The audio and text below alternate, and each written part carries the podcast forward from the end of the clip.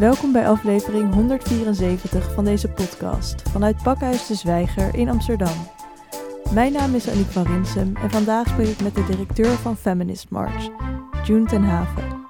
Beste June, van harte welkom. Ja, dankjewel. Heel leuk om hier te zijn. Je bent directeur van Feminist March, maar voorheen heet het Women's March. Ja. Hoe is uh, Women's March ooit ontstaan? Ja, dat was in 2017 op het moment dat uh, bekend werd dat uh, Trump meedeed als kandidaat om president te worden. En op een gegeven moment natuurlijk ook bepaalde uitspraken deed over vrouwen, vrouwenvriendelijke dingen heeft gezegd. En uh, toen hij uiteindelijk ook president werd, was eigenlijk wereldwijd een enorme verontwaardiging. En ontstonden er eigenlijk overal in Amerika en daarbuiten protesten. Die later, of op dat moment misschien wel al, de, de, de titel Women's March kregen. En toen was er een groepje in Nederland die dacht: wij moeten dit ook organiseren in Amsterdam. Ja, daar was ik toen op dat moment niet één van de mensen van. Ik ben pas, ja, ik denk eind 2018 aangesloten toen de editie van 2019 werd voorbereid. Um, ik weet toen inderdaad om die reden ook niet precies hoe dat gegaan is. Wel weet ik dat er na de eerste editie is gedacht van... hé, hey, we zien de verontwaardiging onder vrouwen. Is het niet heel zonde om dit maar gewoon één keer te laten plaatsvinden? Hebben we niet ook hier problemen waar we naar kunnen kijken, waar we aandacht voor kunnen vragen? En daarom is het eigenlijk wel doorgegaan met bestaan. En ook ja, nu is het er gewoon nog steeds om die reden. En je bent dus mee gaan organiseren voor de Mars van 2019. En hoe ben je daar toen terechtgekomen? Of wat maakte dat je dacht, oké, ik wil me hier ook voor inzetten? Nou, op dat moment was ik freelancer. Ik werkte als marketeer in de culturele sector. Dus ik deed heel veel voor festivals, poppodia, dat soort dingen. Um, en dat is heel leuk en dat vind ik nog steeds heel leuk, want dat doe ik ook nog steeds. Maar ik, uh, ik, ik vond het daarnaast ook wel nodig om mijn tijd ook in te zetten voor iets waarmee ik echt een concrete bijdrage kon leveren aan ja, een betere wereld. Klinkt heel heel abstract misschien en misschien ook wel wat zweverig, maar het, was wel zo. Dus volgens mij was het dat ik op een gegeven moment een oproepje zag op social media van hey, we zoeken mensen die willen aanhaken. Denk je dat je iets kan waar wij wat aan hebben? Vul ons formulier en dan komen we bij je terug. En ik dacht van, nou ja, um, ik, ik, zag eigenlijk wel overeenkomsten tussen bijvoorbeeld een festival organiseren en een, protest.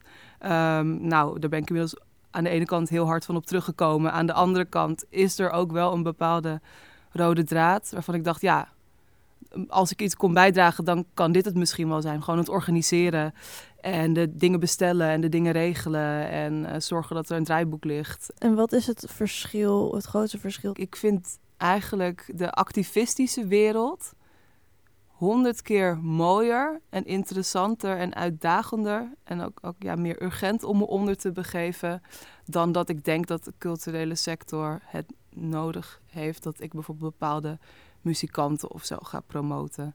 Dat is ook nodig, weet je. Uiteindelijk moeten de kaarten worden verkocht. Uiteindelijk maken zij misschien hele mooie muziek. Maar um, het is iets minder relevant dan dat je het over mensen hebt en mensenrechten en de verhalen van mensen die gewoon vaak de meest verschrikkelijke dingen meemaken. Dat ik denk, ja, als ik moet kiezen of ik tussen, ja, als ik tussen A en B moet kiezen om mijn tijd aan te besteden, dan, ja, dan is dit het. Uh, waar ik echt heel erg gepassioneerd over ben. En je besteedt er ook best wel veel tijd aan. En je bent nu ook directeur. Hoe is het ooit zo ontstaan dat je directeur bent geworden? Dat is eigenlijk uh, heel grappig, want ik bemoei me gewoon heel graag met dingen. maar op een gegeven moment, um, ja, na die eerste editie in 2019 heb ik nog samen met uh, Adinda Veltrop uh, aan de editie van 2020 gewerkt. Um, toen al zeg maar meer in een coördinerende rol. En op een gegeven moment ging zij naar Amerika emigreren. En bleef het een beetje in het midden eigenlijk wat er met de markt zou gebeuren. En ik wist niet zeker of ik de perfecte kandidaat was om het echt te gaan runnen. Maar ik zou het gewoon ook heel jammer hebben gevonden als het zou stoppen met bestaan. Dus ik dacht eigenlijk, ik probeer het gewoon. Ik ga gewoon een groep nieuwe mensen om me heen verzamelen. Uh, dingen die ik niet zie als uh, ja, witte, cisgender, Hollandse, hetero vrouw. daar kunnen andere mensen me bij helpen of daar heb ik zelfs andere mensen voor nodig. En dan gaan we gewoon kijken of we het in elk geval draaiende kunnen houden en misschien op den duur ook wel groter kunnen maken of, of meer impact genereren met elkaar. Um, en zo is dat eigenlijk ook gegaan. Ik ben inderdaad gaan vragen en gaan zoeken van wie wil dit met mij doen. Ehm, nou ja, ehm, wat ik al zei, het is een, altijd een vrijwilligersteam geweest. Mensen komen en gaan. Dus bijvoorbeeld een tijdje heb ik het nog samen geprobeerd met Alina Bijl. Uh, nou ja, Tesselt en Zwegen is tijdvrijwilliger bij ons geweest. Uiteindelijk dus de stichting zoals we die nu kennen, ben ik gestart met, uh, met Aisna Supersat. Uh, met onder andere Naomi Pieter in het bestuur, Santi van de Toren, Enam Ahmed Ali en Dimfke van Lanen. En ja, eigenlijk gewoon in het diepe gesprongen. Want ik ben helemaal niet uh, afgestudeerd uh, op, op genderstudies. Of ja, dat was eigenlijk ook gewoon een heel impulsief plan. Wat gewoon best wel goed heeft uitgepakt. Ja. En het impulsieve zat hem er ook in dat je dus wilde dat het door bleef gaan en misschien nog kon groeien. En dat je dus wel een organisatorisch talent hebt en ook dacht, oké, dit moet er gebeuren en ik ga het doen. Ja, ja, het was gewoon dat ik inderdaad nog steeds uh, tot op de dag van vandaag heel graag iets wil bijdragen. En dat ik denk dat, het, uh, dat ik dat het best kan doen in deze vorm. Ja. En welke ervaringen spelen mee met dat je zo goed bent in organiseren, denk je? Oeh, ja, dat, dat, um, dat weet ik niet. Ik, ik, ik hou wel van uitdagingen. Als iemand zegt van dit kan niet, denk ik ja, dit, dit kan wel, let maar op. Mm -hmm. En ik denk dat dat heel erg heeft geholpen. Um, want ja, je, je, krijgt ook best wel vaak een nee. En op het moment dat je als vrijwilligersorganisatie iets probeert, ben je ook afhankelijk van mensen die denken van nou, we proberen het gewoon, we zeggen een keer ja. Of we lenen iets uit of we helpen jullie ergens bij. Uh, dus dat, dat heeft sowieso een grote rol gespeeld. Maar um, nee, ja, het is wat ik zeg. Ik denk niet dat ik per se de ideale kandidaat ben, omdat ik uh, aan alle eisen voldoe of uh, het veel beter zou kunnen dan iemand anders. Ik, ik heb het gewoon gedaan. Of uiteindelijk is het gewoon zo gelopen dat, dat ik deze rol heb. En je zei ook eerder al dat, dat directeur voor jou ook een, een beetje een rare term voelt als je een protest organiseert. Ja, ja dat klopt. Ja, want dat is inderdaad, uh, als je een stichting gaat oprichten, je gaat naar de Kamer van Koophandel, ja, iemand uh, zal bijvoorbeeld secretaris of penningmeester moeten zijn. En uh, binnen een uitvoerend team is er vaak sprake van nou, toch ook wel een directie. Maar aan het einde van de dag ben je ook bezig met een protest organiseren op de Dam. En dat voelt dan gewoon als twee, ja, twee, twee dingen die elkaar niet per se in de weg zitten, maar die ook niet heel lekker op elkaar aansluiten mm. of zo, denk ik. Dus um, ja, als iemand ook zegt van, oh, dit is June. June is de directeur, denk ik van, nou, dat, dat hoeft niet. Je kan ook gewoon zeggen dat ik het, het mede organiseer of coördineer of zo. Het voelt een beetje als een misplaatste titel, ja. Hoe zou je het zelf dus noemen? Je noemde net al wat termen, maar als ja. je toch een beetje wil aangeven van uiteindelijk heb ik een soort van hoofdverantwoordelijkheid of zo. Wat, wat zou je logischer vinden als titel? Ja, als je mijn e-mailtje stuurt, krijg je inderdaad een reactie terug waar in mijn handtekening staat algemeen coördinator. Maar ik ben nog altijd uh, op zoek naar iets, iets wat beter, beter. Een, een match is eigenlijk hiervoor, ja. En dit jaar gaan jullie verder dus onder de noemer Feminist March. Ja. Hoe zijn jullie er tot gekomen om deze naamsverandering door te voeren? Dat was eigenlijk al toen we dus met de nieuwe club de stichting gingen oprichten. Dat we ook heel veel brainstorm sessies met elkaar hebben gehad. Van wat willen we hier nou eigenlijk mee? Waarom willen we dat het blijft? En dat is vanaf het moment dat jij dus bent aangetreden als directeur? Ja, ja, ja. eigenlijk wel. Dus dat zal in de winter van 2021 geweest zijn. Ja, we leerden elkaar een beetje kennen in onze rol. En hebben ook gedacht van, uh, ja, wat willen we hiermee? Waarom is er belang bij dat het georganiseerd blijft?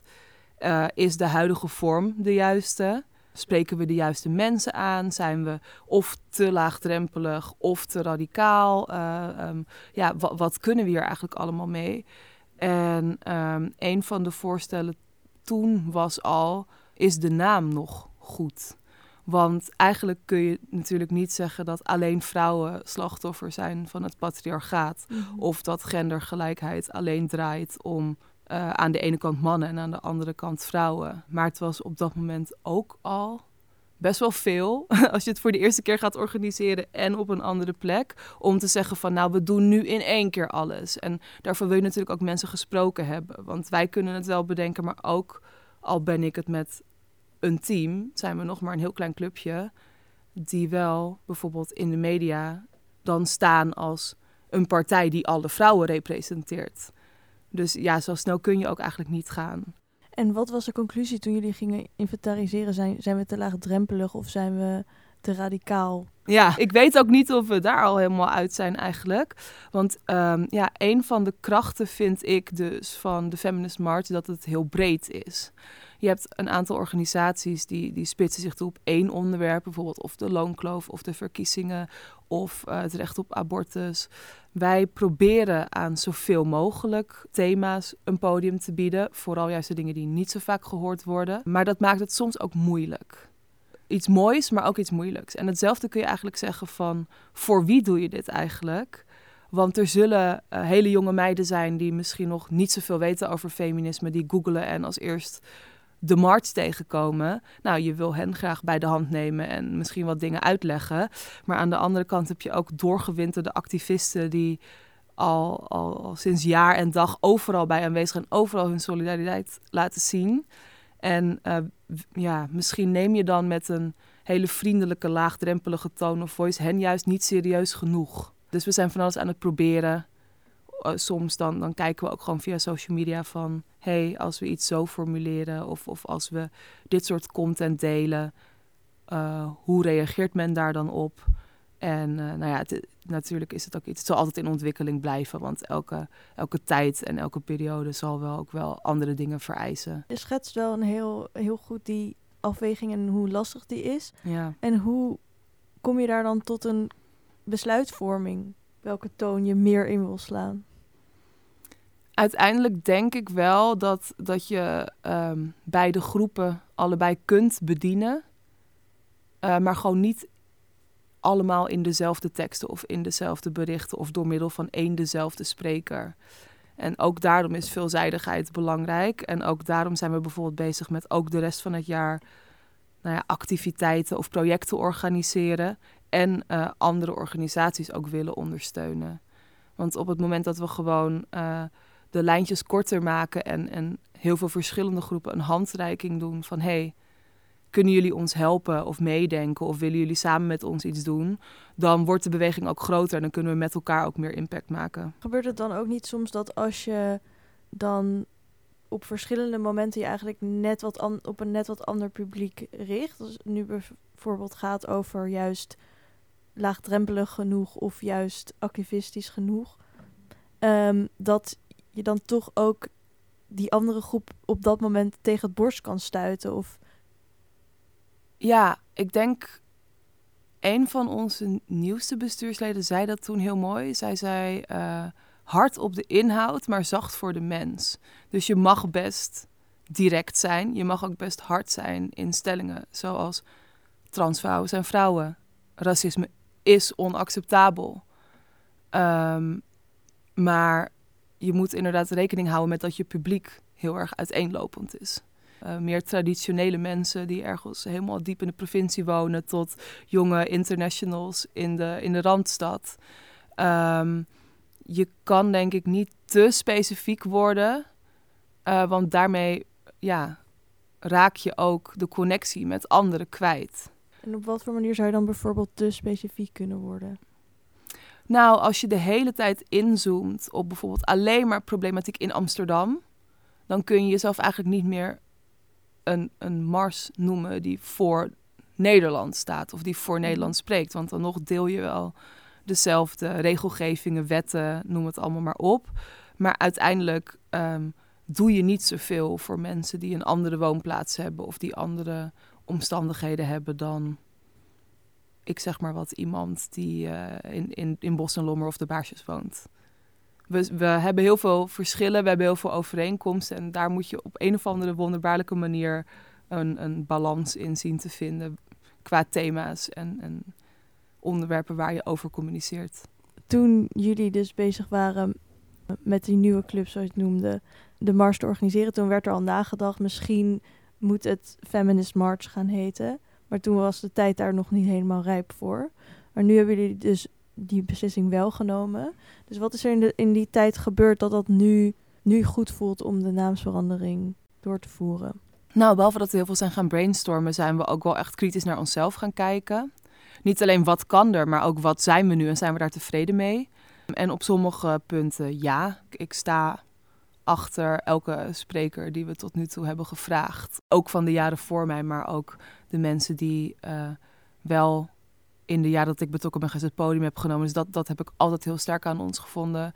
Ook inderdaad dat, dat je gewoon een mailtje kan sturen met... hey, ik wil vrijwilliger bij jullie worden en je wordt met open armen ontvangen. Maar op andere punten was er misschien nog wel ruimte voor verbetering.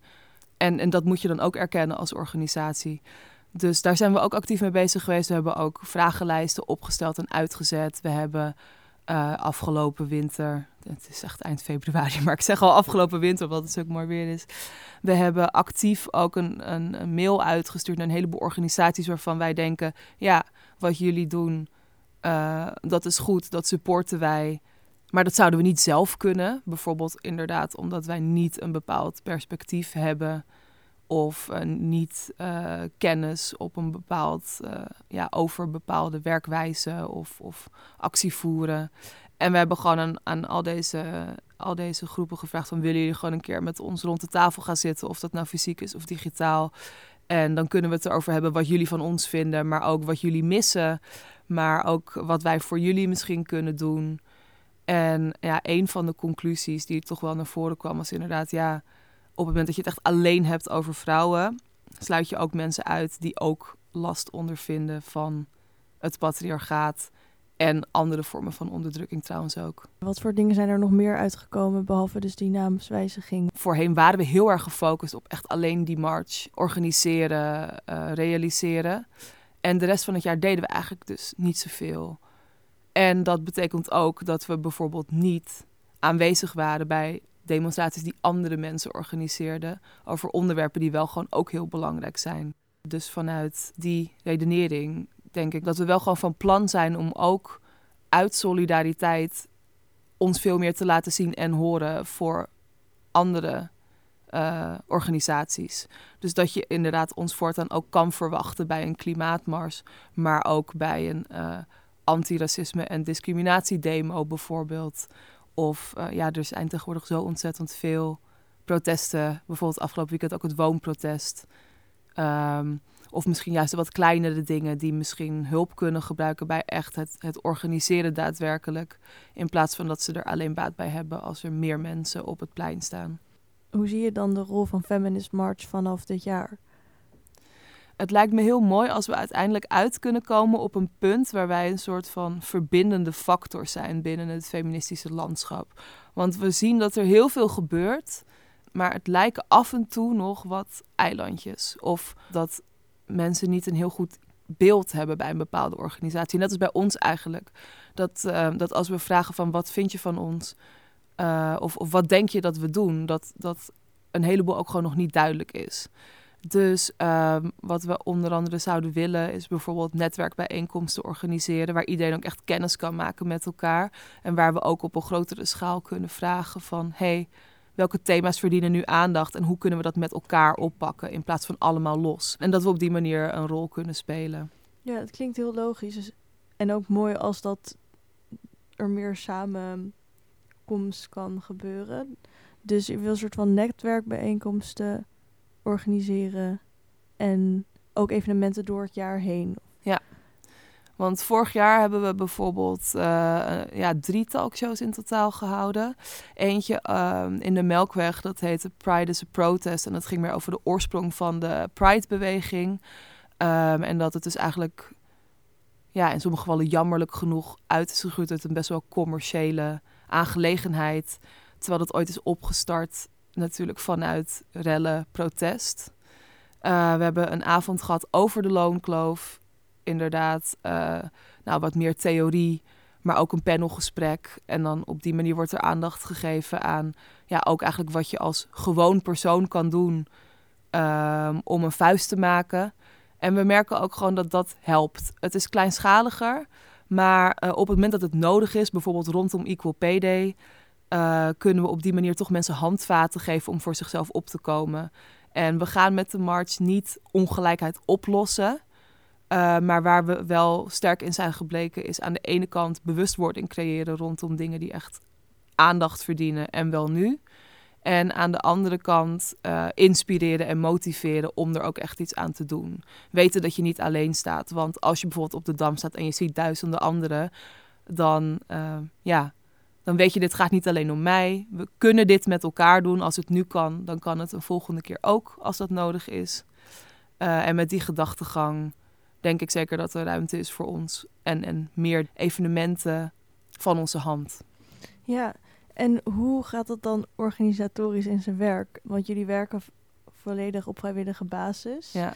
Hoe kan je dan groeien ook als organisatie? Dat blijft een uitdaging, want uh, wij zijn bijvoorbeeld afhankelijk van donaties. En soms komen die van organisaties en soms van individuen. En daarom weet je nooit helemaal 100% zeker wat je slagkracht is op financieel vlak uh, over een heel jaar verspreid. Uh, maar ik denk dat ook hier de kracht zit in een, goed netwerk. Want op het moment dat je met vijf verschillende organisaties allemaal een heel klein beetje geld hebt. En uh, bijvoorbeeld de een heeft een locatie, de andere kent hele waardevolle sprekers. De ander um, heeft uh, ja, veel ervaring bijvoorbeeld in promotie maken. Dan kun je met elkaar aan het einde van de rit ook iets heel moois neerzetten. Ook al um, is de basis niet dat er een heleboel geld bij is komen kijken. Ja, het komt ook een beetje terug op wat je eerder in het gesprek zei, dat je altijd denkt als iemand zegt het kan niet, het kan wel. Ja, ik denk ook nu dat het wel kan, zeker. Ja. En hoe dan? Gewoon maar, want hoe het nu klinkt, is het dat je zoiets hebt van ik ga het gewoon doen en ik zie wel of het geld er is. Of als ik kijk per moment wel hoe het, hoe het loopt of zo. Dat, dat, moet ook, want je, je moet ook wel flexi ja, flexibel zijn. En, en altijd een plan B hebben. Want het kan ook aanstaande zondag um, gaan sneeuwen. Zou best wel gek zijn, maar het kan. Yeah. En dan moet je ook een manier vinden om het wel door te laten gaan, want mensen rekenen erop. En ja, ik vind het belangrijk dat het gebeurt. Maar hoe precies? Ja, ik denk toch ook gewoon een beetje brutaal zijn af en toe en, en vragen. Wat kan er? Of, of uh, in ons geval ook best wel van, hey, wij kunnen dit bieden. Wat bieden jullie om er samen iets moois van te maken? Want uiteindelijk willen we allemaal hetzelfde. En dat is van die vreselijke ongelijkheid af. En wat ga je doen als het gaat sneeuwen? Ja, waarschijnlijk heel hard janken. Ik, ik doe nu heel stoer, maar als het daadwerkelijk gaat sneeuwen, dan wordt het natuurlijk hartstikke treurig. Maar ik zou wel komen, gewoon in goede, goede waterdichte schoenen, dikke jas. En uh, dan maar gewoon een heel mooi Facebookbericht schrijven of een Instagram-bericht. Met uh, dat, dat de bezoekers vooral hetzelfde moeten doen. En een paraplu. Ja. En die vreselijke ongelijkheid, daar wil je van af. Hoe, wanneer is dat bij jou ontstaan? Dat je dacht, er is vreselijke ongelijkheid en ik moet er, we moeten er met z'n allen vanaf. Ja, dat, dat vind ik een goeie. Want uh, ja, ik, ik zei het al eerder maar als je kijkt, als je intersectioneel kijkt, weet je, ja, ja ik ben een vrouw. Um, en ja, ik ben dik, maar ik ben ook wit en hetero en, en cisgender en zo. Um, dus op het moment dat mensen je niet serieus nemen, als je bijvoorbeeld in een discussie iets wil zeggen omdat je vrouw bent, is dat al heel naar. Het, het is eigenlijk vooral op een gegeven moment, ik ging me erin verdiepen door eigenlijk ervaringen die ik zelf had, maar die echt bij lange na niet zo vervelend bleken als dat ze ook voorkomen in de wereld. En op best wel grote schaal. En eigenlijk op het moment dat ik daarachter kwam, was het van: hé, hey, ik heb het zo slecht nog niet. Maar dit bestaat en dit is vreselijk. En ik snap niet hoe andere mensen hier niet boos genoeg van kunnen worden om er iets aan te doen. Zou je willen delen wat voor ervaringen je zelf hebt meegemaakt die jou zo boos maakten? Ja, ik bedoel, ik denk uh, dat ik um, um, inmiddels jammer genoeg wel kan zeggen dat iedereen wel eens grensoverschrijdend gedrag heeft meegemaakt. Nou ja, ik ben ook wel eens uh, achterna gelopen midden in de nacht. En dat ik dan mijn huis in probeerde te gaan. En dat er achter me opeens een man zich begon af te trekken. Waarvan ik dacht, oh ja, die, die gaat zich proberen naar binnen te wurmen. En dan moeten we maar zien wat er gebeurt. Uh, nou ja, dat, dat is een voorbeeld. Hoe oud was je toen? Uh, nou, ik weet, ik woon echt net op mezelf voor het eerst, dus ik zal ja, misschien 17 of zo geweest zijn. Oké. Okay. Ja. Uh, maar ook inderdaad uh, ja, dingen zoals abortus of bijvoorbeeld, ik heb zelf PCOS. En eh, dat ik bij de huisarts kom en dat ik aangeef van... hé, hey, mijn menstruatie is onregelmatig. Ik, ik merk dingen aan mijn gezondheid. Kunnen we er iets mee doen? willen jullie dit controleren? Dat er eigenlijk gewoon wordt gezegd... ja, kom maar terug als je zwanger wil worden. Want tot die tijd lijkt het me geen probleem. Ja, nou ja, dat zijn zeg maar op... op ja, heel breed genomen is het het topje van de ijsberg. Maar voor mij was het toen wel kut genoeg om te denken van... hey, dit is toch niet hoe het zou moeten gaan, toch? Uh, er, er moet meer zijn dan dit. En volgens mij hoeft dit ook niet geaccepteerd te worden, dat dit soort dingen gebeuren. Ja. Zijn er mensen in jouw omgeving die, waar jij inspiratie uit haalde? Of? Uh, nou, niet, niet direct. Want wat ik wel heb gemerkt, wat ik eigenlijk wel heel cool vind, is uh, dat de afgelopen paar jaar um, is het best normaal om, om activisten uh, bijna een soort idolenfunctie toe te kennen. Mm -hmm. Als je nu een willekeurige krant of tijdschrift openslaat, dan is het heel normaal dat je daar iemand in ziet staan die zich op deze manier hard maakt voor de maatschappij. En uh, nou ja, toen ik 16 was, ik ben nu begin 30, toen was dat er niet. Toen waren mensen zoals bijvoorbeeld de Naomi, die waren echt soms met gevaar voor eigen leven uh, heel erg hard hun best aan het doen om op, op hun manier progressie te boeken. En dat was toen nog niet cool, dat was gewoon noodzaak. En vandaag de dag heb je inderdaad heel veel. Als je op Instagram kijkt, allemaal hele toffe mensen. Maar uh, to, toen ik net begon, moest je ze echt nog zoeken en vinden. Het, het, lag nog niet zo voor de hand dat als je bijvoorbeeld de Linda Meiden kocht, dat er ook een portie um, emancipatie en feminisme in stond, zeg maar. Dat is denk ik meer wat ik bedoel. Ja. ja. En hoe oud was je toen je begon met activistisch zijn? Het is heel lang passief geweest. Want elke keer als ik dacht van, oh, ik heb het een beetje door, ik weet het wel, dan kwam ik weer iets nieuws en denk ik, ja, fuck, ik weet helemaal niks. Mm -hmm. um, en ik had het best wel nodig dat ik op zijn minst wist wat ik zei, voordat ik er echt mee naar buiten wilde ook. Dus zeg maar in, in mijn hoofd, hoe ik erover nadacht, ja, dat, dat is denk ik al best wel lang zo geweest. Maar voordat ik mezelf ook zo profileerde, uh, ja, dan denk ik inderdaad toch wel, ja, er, ergens halverwege de twintig misschien, ja. En hoe reageerde jouw omgeving, dus je familie, vrienden, partners erop dat je toen meer naar buiten toe ook activistischer werd? Um, nou ja, dat vond niemand echt heel raar. Uh, ik, ik heb ook, uh, ja, ik, ik heb het eigenlijk makkelijk gehad daarin dat ik ook niet daar mensen door verloren ben of zo. Um, wel dat, dat op een gegeven moment mensen zeiden van ja, ja, nou het gaat nu toch best wel ver. Maar dat ik echt zelf ook niet dacht van ik, ik zie die overeenkomst of ik zie dat ook. Eerder dat ik dacht van oh, ik ben eigenlijk misschien zelfs wel een beetje trots. Want um, de mensen waarover ik vroeger zelf zei van eh, dat gaat misschien best wel ver of, of is dat nou nodig? Um, die vond ik nu zelf ook respectabel. Want uiteindelijk, als je altijd maar binnen een comfortzone blijft, dan verandert er ook niks. Dus er zijn ook mensen nodig die misschien af en toe dingen zeggen die schuren of die radicaal klinken, maar het zijn wel zij die de verandering uiteindelijk teweeg gaan brengen of die anderen aan het denken zetten.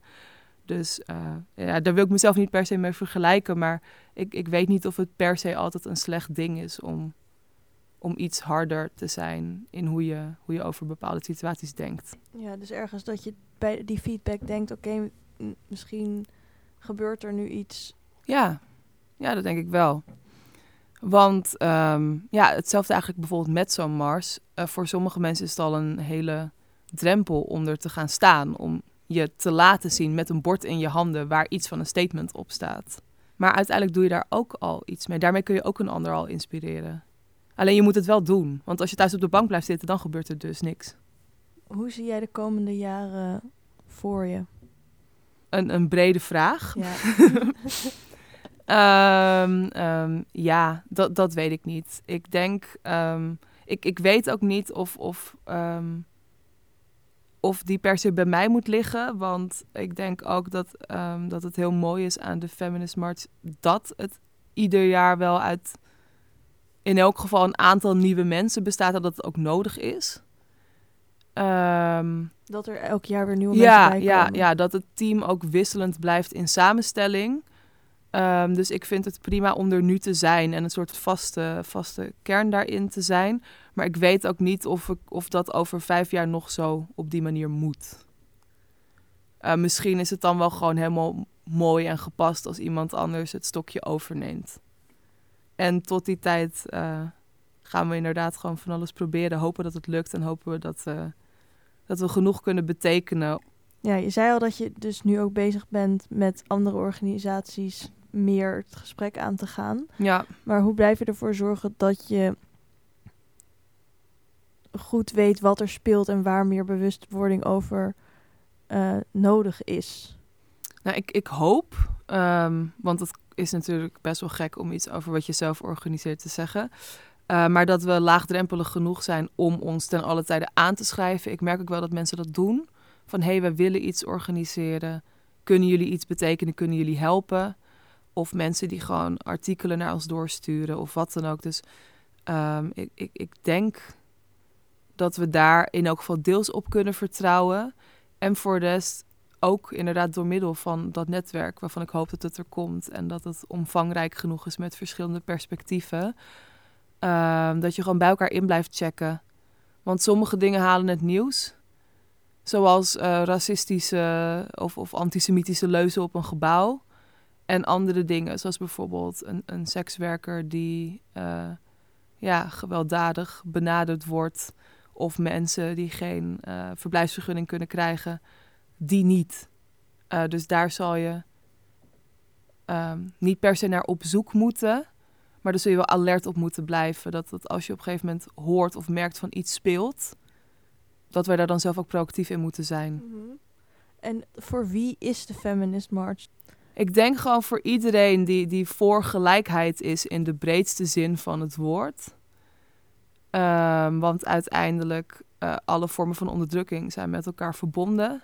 Ja, ik ben ook ooit begonnen als iemand zonder uh, hele concrete kennis of ervaring op het gebied van feminisme. Maar ik denk dat je vooral gemotiveerd wil zijn en een open houding moet hebben om inderdaad daar te komen en te luisteren.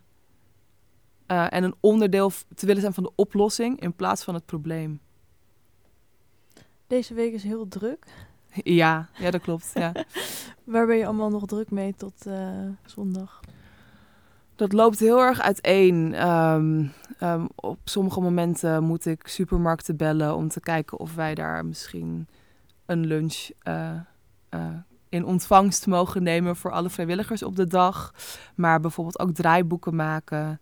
Um, nou ja, uh, de praktische info verzamelen. Een, een leuke PowerPoint maken voor op het scherm. Um, zorgen dat de, de tolken, de tolken Nederlands gebarentaal en de schrijftolken op de hoogte zijn van wat er gaat gebeuren. Uh, maar bijvoorbeeld ook uh, soms een, een bakfiets reserveren of zo, zodat we spulletjes van de Dam naar het Museumplein kunnen rijden. Um, het is echt precies een beetje wat de dag brengt. Wat kunnen we een beetje verwachten van de mars van dit jaar? Um, het, het thema is Equity is Key, waarmee we ook willen aanduiden dat het inderdaad niet alleen gaat om uh, pure gelijkheid, maar dat je mensen soms ook moet helpen om ze vanuit hun positie op een gelijke plek te krijgen. En dat proberen we ook als rode draad te laten terugkomen in het podium. Want uh, ja, de, de look en de naam is veranderd, maar de formule van de middag zelf eigenlijk niet echt. Uh, we beginnen namelijk op de Dam met zeven sprekers en een spoken word artiest. Waarna dan vervolgens de daadwerkelijke mars plaatsvindt naar het Museumplein. Tot slot, heb je nog een boodschap voor onze luisteraars? Kom vooral, neem een mooi bord mee. Als je dit luistert en je denkt van... hé, hey, ik, ik hoor ook bij een organisatie... of uh, ik, ik ben gewoon een persoon, maar ik, ik vind iets van jullie... of ik wil iets samen doen met jullie... weet dat je ons kunt benaderen. We, komen niet deze week, dat ga ik niet toezeggen... maar wanneer we ruimte hebben, uh, graag bij je terug... en dan, dan kijken we wat er mogelijk is. Want een uh, beweging ben je niet in je eentje, die vorm je met elkaar. Heel veel dank, June ten Haven. Beste luisteraars, Dit was aflevering 174 van de podcastserie van Pakhuis de Zwijger. Wil je meer weten? Kom dan op zondag 5 maart om 1 uur naar de Feminist March op de Dam in Amsterdam. En kom op woensdag 8 maart om half 8 naar Femtopia 2023 in Pakhuis de Zwijger. Vind je het leuk wat we doen? Overweeg dan vriend te worden via dezwijger.nl slash word-vriend. Of abonneer je op deze podcast via Spotify, Soundcloud, Apple Podcasts of een ander podcastplatform. Bedankt voor het luisteren en tot de volgende keer.